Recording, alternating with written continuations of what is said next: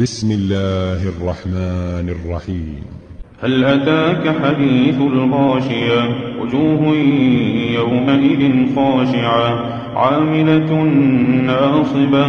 تصلى نارا حامية. تسقى من عين آنية. ليس لهم طعام إلا من ضريع. لا يسمن ولا يغني من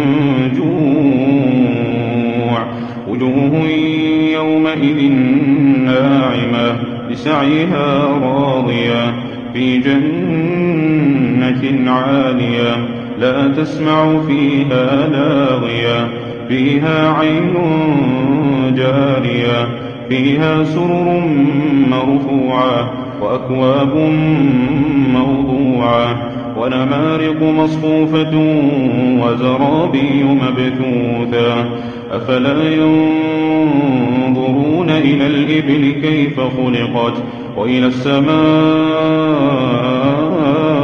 كيف رفعت وإلى الجبال كيف نصبت وإلى الأرض كيف سطحت فذكر إنما